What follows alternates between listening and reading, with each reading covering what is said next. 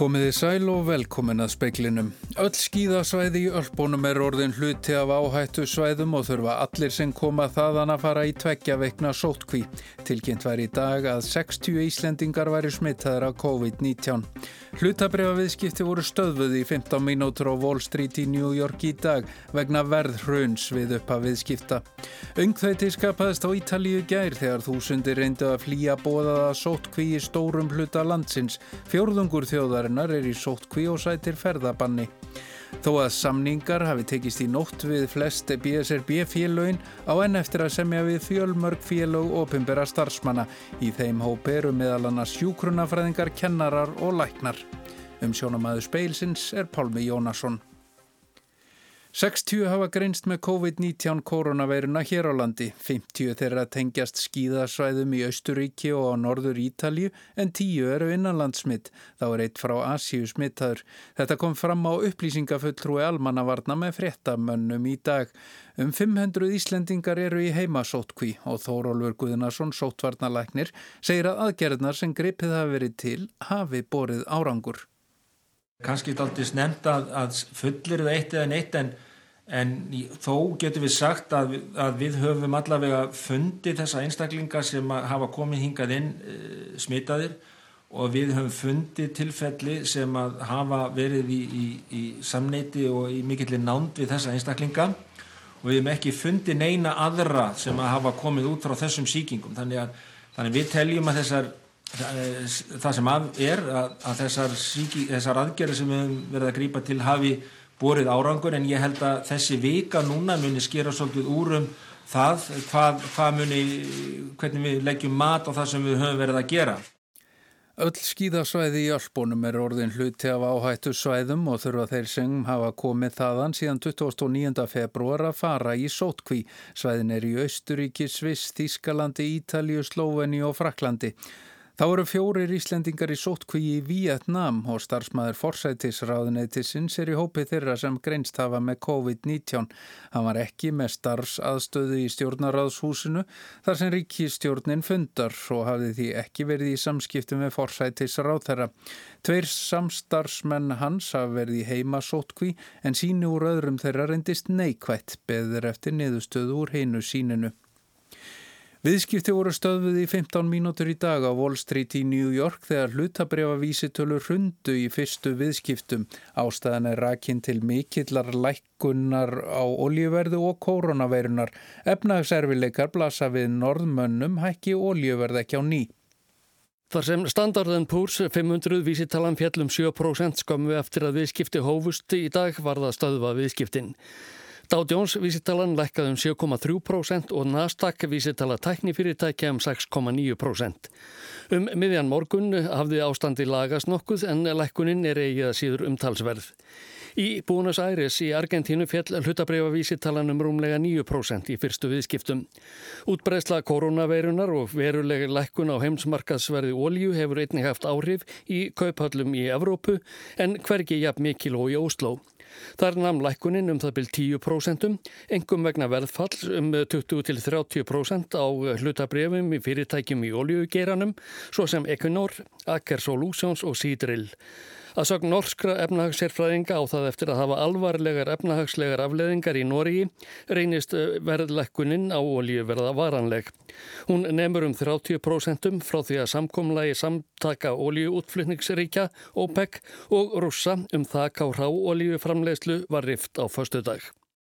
Áskir Tómarsson segði frá og í Kastljósi kvöld verði fjallaðum ástandið á fjármálamörkuðum vegna verðlækkan á olju og útbreyslu COVID-veirunar.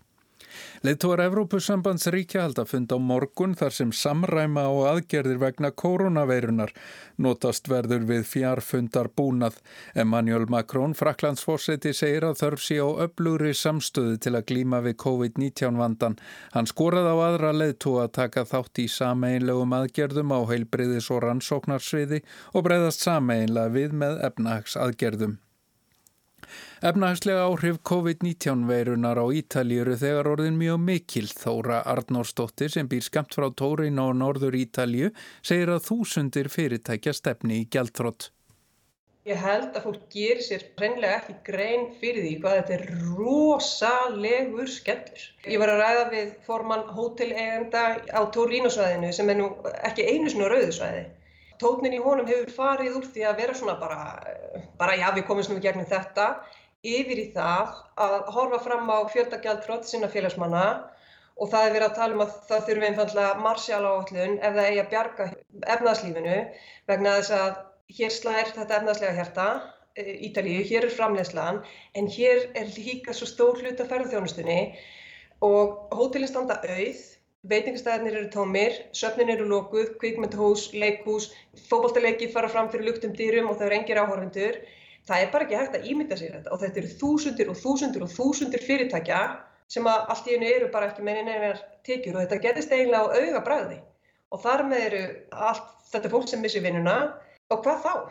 Það þýrsti bara svo ofbáslegt fjármagn eða þú ætlar að bjarga öllu þessu sem að núna bara riða til fals.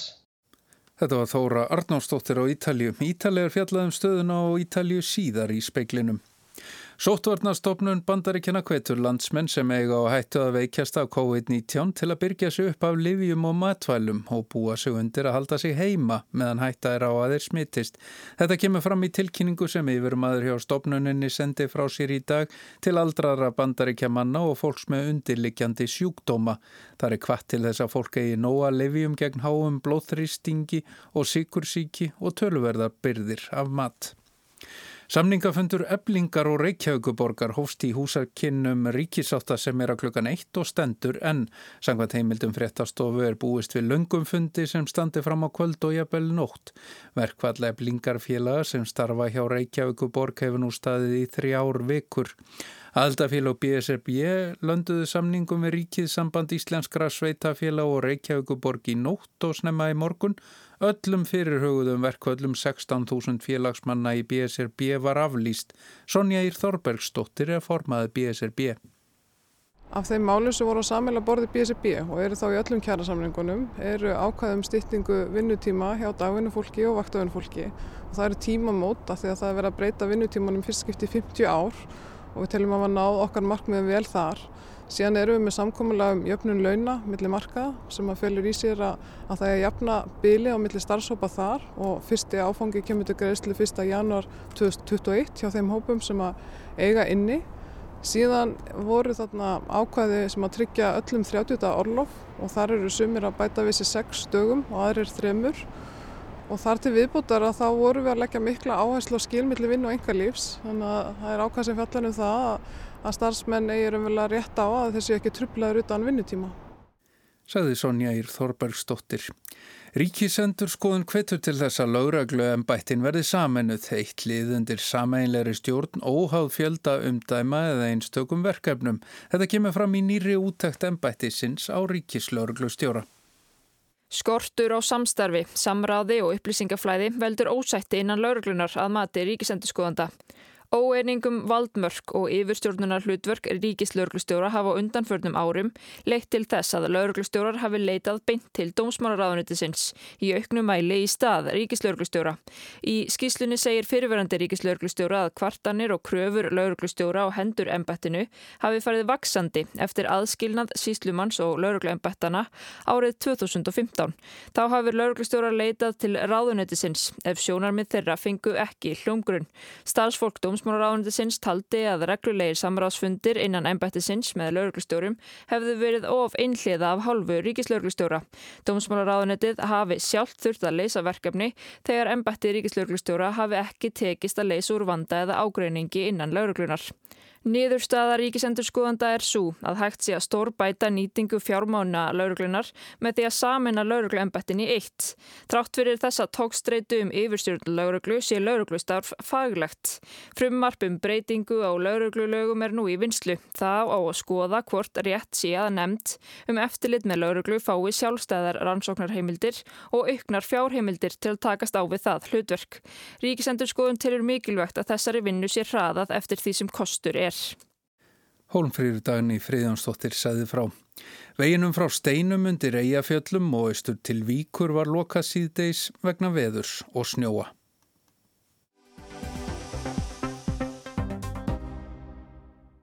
Öngþveiti skapaðist á Ítalíu gær þegar þúsundir reynduð að flýja bóðaða sóttkví í stórum hluta landsins. 7400 smitt hafa verið staðfest á Ítalíu og 366 döðsföll, fleiri en nokkur staðar í veröldin að Kína frátöldu.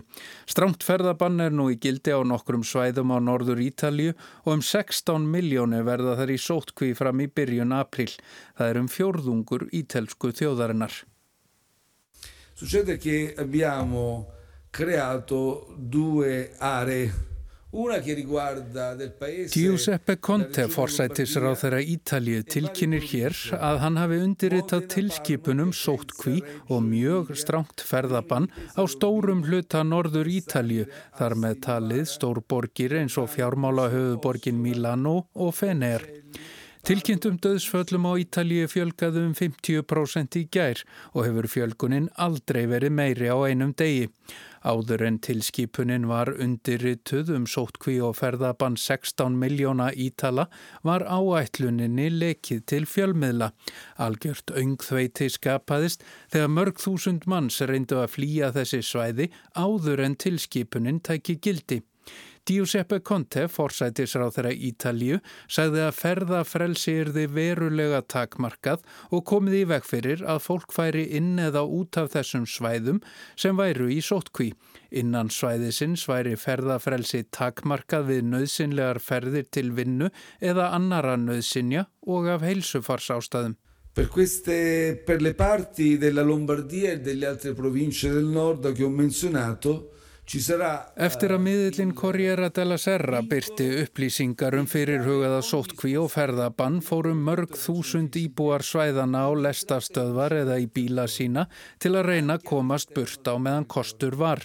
Á sunnanverðri Ítalíu byðu lögreglumenn og heilbreyðistarsmenn í tugatali á helstu lestastöðum til að taka á móti þessum flóttamönnum frá síktu svæðunum í norðri. Óttast var að veiran myndi breyðast hratt út með því fólki sem flýði norðrið fyrir lokun. Roberto Burioni, professor í örverufræði, segir að lekin til fjölmila hafi leitt til meiri háttar fólksflutninga þvert á það sem tilskipuninu var ætlaða á orka. Hluti þeirra sem flúðu norðrið áður en tilskipunin tók gildi hafi óumflíjanlega verið síktur af veirunni. Sergio Mattarella, fórseti Ítalju ávarpaði þjóð sína í kjölfar ákvörðunar um að fjórðungur þjóðarinnar verði í sóttkví fram í næsta mánuð, hið minsta. Ekki var hægt að halda upp á alþjóðlegan baráttuta kvenna í gær, en fórsetin vildi sína konum samstöðu og þakka fyrir allt sem þær legðu af mörgum í fremstu výlínu baráttunar gegn hennum banvæna sjúkdómi sem herjar á heimsbyðina og ekki síst Ítalju. Per i motivi che tutti conosciamo, quest'anno non sarà possibile celebrare la giornata internazionale della donna. 85% smitta og 90% döðsfalla á Ítalju hafa grengst í Langbarðalandi, Emilia Romagna og Veneto héradi á norður Ítalju. Michele Emiliano, forseti Puglia hérraðs í söðri, undirritaði gær tilskipunum að allir sem flúðu norður hérraðin í gær til söðurs færu beina leið í sótkví. Hann sæði það ófyrirgevanlegt að íbúar á síktum svæðum í norðri bæru með sér veikina í söður hérraðin og síktu þar með samlanda sína. Þrýr létust í fangelsi í Módena í gær í uppþóti eftir að tilkynnt var um heimsóknarbann og kappleikir voru haldnir fyrir luktum dyrum um helgina.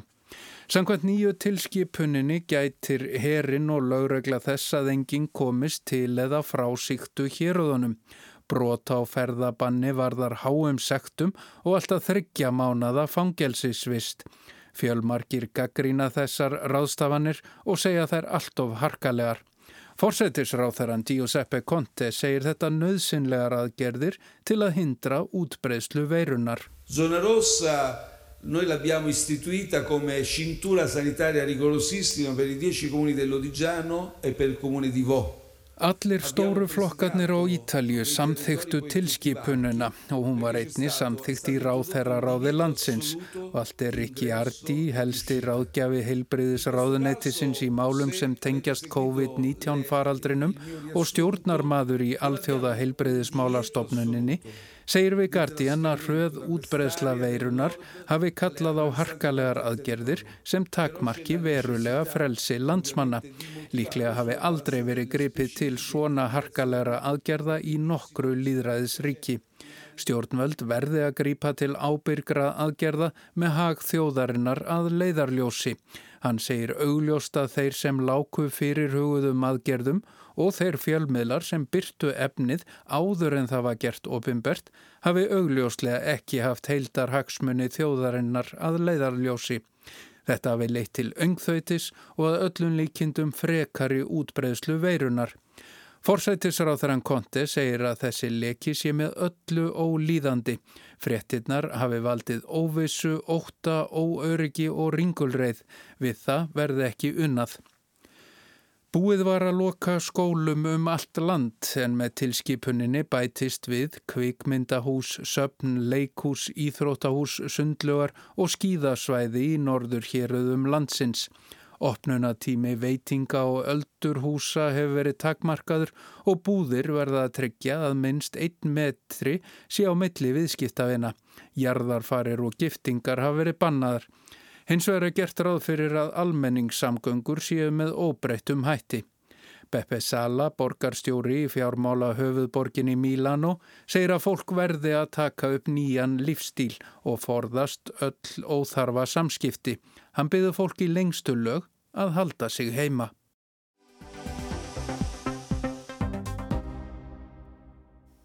Þó að samningar hafi tekist í nótt við flest félög innan BSRB á enn eftir að semja við fjölmörg félag opimbera starfsmanna. Hjúkrunafræðingur telja að stytting vinnuvikunnar hjá vaktavinnu fólki hafi í för með sér launa lækkun meðal hjúkrunafræðinga og 11 BHM félög sætta sig ekki við tvískipta yfirvinnutaksta. Þó að samningar við BSRB-félögin hafi tekist á síðustu stundu er ekki þar með sagt að kjara vera um sér lokið. Það er ekki ólíklegt að þau félug sem enn eiga eftir að semja muni haldi upp á einsás ammali kjara viðaðana. Samningar flestra þessara félaga losnuðu 1. apríl á síðasta ári. Hjógrunafræðingar hafi genn samið þeir skrifuðu vissulega undir samkómulega um styttingu vinnuvikunar hjá vaktafinu fólki. Hjógrunafræðingur eru stjætt sem vinnur talsvirt mikið á vaktum og breytingarnar sem eru bóðar vegna styttingar vinnuvikunar geta breyti miklu í starsungverfi þeirra. Vinnuvikan á að styttast úr 40 í 36 stundir og getur í ákvönu tilfellum styrst í 32 stundir. 32 stundir svara nú til 80% hlutastars. Það þýðir að sá sem er í 80% starfi getur komist í 100% starf. Vinnur áfram sömu 32 tímana en fær launahækun með því að komast í 100%. Samt sem áður telja hjókunarfræðingar að breytingarnar geti þýtt launalækun fyrir fjölmarga hjókunarfræðinga og um þetta er meðal annars tekist áum við samningaborðið með ríkinum. Í stuttumáli snýst málu um að fyrir tveimur árum var samið um að greiða ákveðin viðbótarlaun til að hvetja hjúkunarfæðinga til að auka stass hlutvallið. Sá sem eh, var í 80% hlutvalli fjekk eða fær ákveðin kaupauka og sömulegði sá sem eh, var í 90% og 100%. Þessar eh, hækkanir eru metnar á um 5-10% að launahækun. Þessar greiðslur eiga að falla niður með tilkomu samkómulagsum vaktavinnum. Þetta áengum við um landsbítaran sem hefur greitt hennan kaupega sjálfur ef svo má að orði komast. Heildar upphæðin er nálægt einu miljardi krónan. Og ríkið hefur þegar samið við 8 BHM félug hins vegar er ósamið við 13 félug innan BHM. 11 þessara félaga halda hópin BHM 11 eins og hópurinn er kallaður leggst gegn því að yfirvinnutakstar verði tvískiptir yfirvinna 1 og 2. Yfirvinna 1 er aðeins lægri eða 0,9385 af launum. Anna-Maria Frímansdóttir formaði samlingarnemdar félagana 11 segir að krafan sé að yfirvinnan verði óbreytt. Við höfum alveg frá upphafi tala fyrir því að yfirvinnan verði óbreytt og gerum það en þá. Ja, hvers vegna, nú er búið að segja um þetta mjög víða á vinnumarkaðunum, yfirvinnu 1 og 2, hvers vegna viljið þið ekki að hún sé tví skiptið, að takstanir séu tví skiptir? Þessi breyting á yfinni, þegar við höfum skoðað það, þá kemur það mjög illa við okkar félagsmenn og sérstaklega félagsmenn okkar sem er í hlutastörfu og þess vegna höfum við hérna, farið fram á yfinna verði bara óbreytt. Og þá líka eftir að semjum launaliðin, en það eru fleiri ofinbérfélug sem eiga eftir að semja, kennarar, læknar, tollverðir, lauruglumenn, slökkvilis og sjúkraflutningamenn og loks félags starfsmanna stjórnuráðsins. Við þetta má bæta bæði Blaðmannafélag Íslands og félagi fréttamanna. En það tókur samningar hjá flestum BSRB félagana í nótt hjá ríkisáttasemjara. Á lokakaplanum var engum tekist á um launaliðin í viðræðanum við ríkið. Niðurstaðan er að mánaðalaun upp að 15. launaflokki í fyrsta þrepi hækkum með 90.000 krónur á samnistímanum. Taksta laun í þessum flokki nema 416.000 krónum sem þýðir að mánaðalaunin fari 506.000 krónur. 90.000 krónahækkunin trappa svo smám saman niður í 68.000 krónahækkun launa. Allra efstu flokkarnir hækka svo með 12,5%, flokkur 50 upp í 54 og segja má að þessi leið sem farin var sé einskonar stefi lífskjara samningin. En þá eftir að semja við fjölmörkfélug og alls óvist hvernig þeim viðraðum mun vinda fram. Við erum í samtali við ríkið og við eigum fund á fymtudagi núna og við vonumst til þess að við náum saman fyrir en setna því þetta er orðið mjög langur tími. Þetta var Anna-Maria Frímansdóttir, Arnar Páll Haugsson tók saman.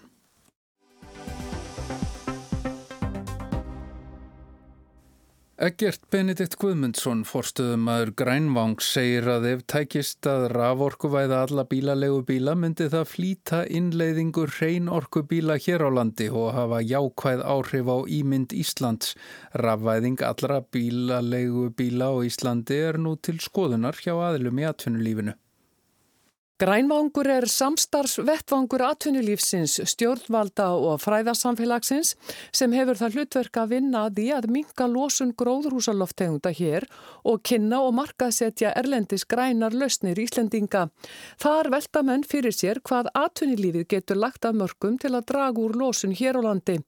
Rafaðing allra bílalegu bíla er ein af þeim hugmyndum sem hafa verið til umræðu og ef maður feð bara yfir þessar tölur og sér í hverju losun fælst að þá er það náttúrulega losun frá vegarsamgöngum sem að, sem að gargar ámann og segir hér er virkilega hægt að taka til hendinni.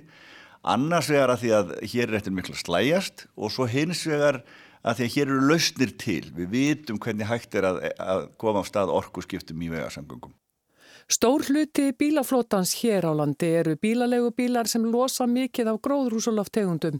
Því var hort til þess hvernig hægt væri að flýta orkuskiptum í flótanum. Eggert segir að margt þurfa að gerast til að það gangi upp. Bílalegu berast því við sumar að það sé í raun erfitt að fá uh, umhverjusvæna bíla, þessi er bara ekki í bóði. Þannig að það sé þýð ekkert að byrja á þessu. Uh, sumar hafa lagt á stað og, og, og komið sér upp hreinorku bílum en, en eftirspunn hefur verið lítil því að ferðarmenn sem koma hinga til lands þeir segja hérna þetta er eitthvað sem að, okkur finnst áhættu samt og jafnvel þeir sem að leia þó bíla þeir lenda kannski í þeim vandræðum að það er ekki hlæðslustöð á hótelunum þeirra og svo framvegs þannig að þetta er dæmi um, um marga hluti sem að þurfa að, að gerast. Og þess vegna höfum við verið að að svona stinga upp á annari nálgun sem að myndir snúast að því að, að snúa að því að allur hópurinn og allt kerfið myndi setja sér það markmið að eitthvað tiltekið ár, segjum 2024 eða 2025, skiptir ekki nákvæmlega öllum máli hvaða ár, en eitthvað tiltekið ár, þá væri eh, Ísland orðið bara hrein orkur land í sínum bílalegu flota. Ef tækist að rafvæða bílalegu bílaflótan fylgdu margir kostir. Í fyrsta lægi drægiða úr losun gróðrúsaloftegunda. Það hefði auk þess áhrif á bílaegn almennings því næstum helmingur allra bíla á landinu eru bílalegu bílar sem margir enda svo í enga eigu. Og uh, í þriðja lagi má nefna að til og með þetta myndi hafa já, mjög jákvæða á, já, jákvæða áhrif á ímynd landsins sem, sem ferðamannalands. Þetta væri myndi undirbyggja þá ímynd sem við erum að, að, að, að kynna af Íslandi sem, sem landi hinnar, hreitnu orku. Og í fjórðalagi mætti nefna að hér mætti búast við að kæmu þá ferðamenn sem að sem að hefði kannski aldrei dottið í huga að fá sér hreinorkubíla en svo koma þeir til síns heimalands. Og, og þá sjá, eftir að hafa verið hér og kert ramarsbíl eða metanbíl eða vettinsbíl eða hvað sem er og sjá að þetta er ekkit mál. Og þannig þetta myndi jafnvel hafa áhrif út fyrir landsteinana líka. Hópur úr atvinnulífinu hefur hist til að ræða þessa hugmynd í honum veru meðal annars fulltrúar frá Grænvangi, Grænorku, samtökum ferðarþjónustunar, bílgrænasambandinu og fleirum. Ekkert segir að þegar búið sé að teikna upp þessa framtíðar sín þurfi allir að skoða hvernig hægt sé að láta hann að verða að veruleika. Að það þarf að vera frambóða bílum, eh, bílaframlegendur og bílainflytjendur, þeir þurfa að vera, vera með í og til í slæginn bílalegunar þurfa að vera eh, sjálfsögur reyðubúin til að kaupa þessa bíla. Það þurfa að vera hlæðslustöðvar e, e, og dreifðar út um all land bæði hlæðslustöðvar á umferðaræðum og hlæðslustöðvar á, á hótelum. Og það er búið að setja umtalsverða fjárhæðir Ríkistjórnum hefur sett umtalsverða fjárhæðir í að styrkja uppbyggingu þessara stöða. Nú það þurfa að vera hlæðslustöði til í, í Keflavík við, við, við flugvöllin Eh, það þarf náttúrulega að vera til nóg mikið rafmagn og það þarf að vera hægt að dreifa því um landi þannig að þetta eru svona fjöldi atriða sem að þarf að all, öll atriðin þurfa að ganga upp en, en okkar viti ætti að vera hægt að, að, að tryggja að þau gæti öll gengið upp á, hvað segir við, þremur fjórum árum Allir séu sammála um að þessi framtíðarsýn sé gríðarlega vermætt. Ekki hafa ennþá verið teknar formlegar ákvarðanir um rafvæðingu alls bílalegu bílaflótans. Eggert segir að það sé mikilvægt að allir leggist á eitt. Þetta gerist ekki nema sko allir, öll, allar þessar fórsendur sem ég nefndi þurfa að vera uppfylltar. Ef eina vandar þá munir þetta ekki ganga.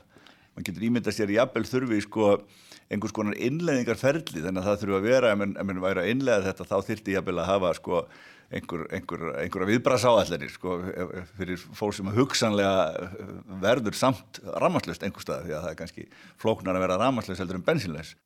Ekki er vitað hvað rafvæðing bílalegu bílaflótans á eftir að kosta en margt af því sem gera þurfi sé í bíkjar hvort sem er. Til dæmis sé búið að eirnamerkja fjármagn í hleðslu stöðvar í aðgerðar áallun ríkistjórnarinnar. Dreifikerfi rafmags um landið og raforku öryggi hafi einni verið til umræðu eftir óveðrið í vetur. Nú bílalegundar náttúrulega endur nýja sína bílaflota uh, bísna hratt og kannski hraðar heldur en, heldur en einstaklingar.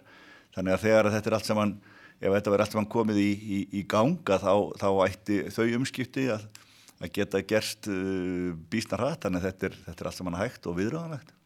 Þú nefndir þarna þrjú ár, það, þetta hljómar svolítið svona eins og það er mjög margt sem þarf að gerast til þess að þetta verða veruleika. Ertu bjart síðan á þetta? Já, ég það, sko, því að það er, það, það er bara eftir það mikla slægjast og þetta er alltaf mann hægt, þetta bara snýst um það að, að svona draga þetta aðeins saman og, og, og koma sér saman um uh, tímasett markmið og, og svona skipta með sér verkum í því að það reyður veginn þeim hindrunum sem að, sem að fyrir eru.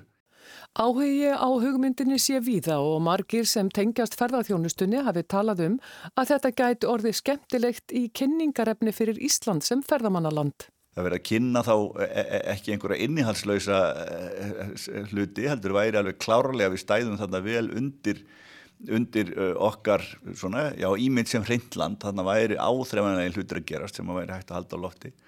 Við veitum líka að, að, að eh, ákveðinir bílaframleðendur og bílainflytjendur að vera mjög áframum að, að taka þátt í einhverju svona, leggja hönd á plógin til þess að búa til einhvert svona fyrirmynda land sem að e, þau geta þá hugsanlega bent til og, og, og, og státa sér að því að taka þátt í, í svona stóru og ábyrgandi verkefni. Þetta var ekkert Benedikt Guðmundsson, Bergljótt Baldustóttir tók saman.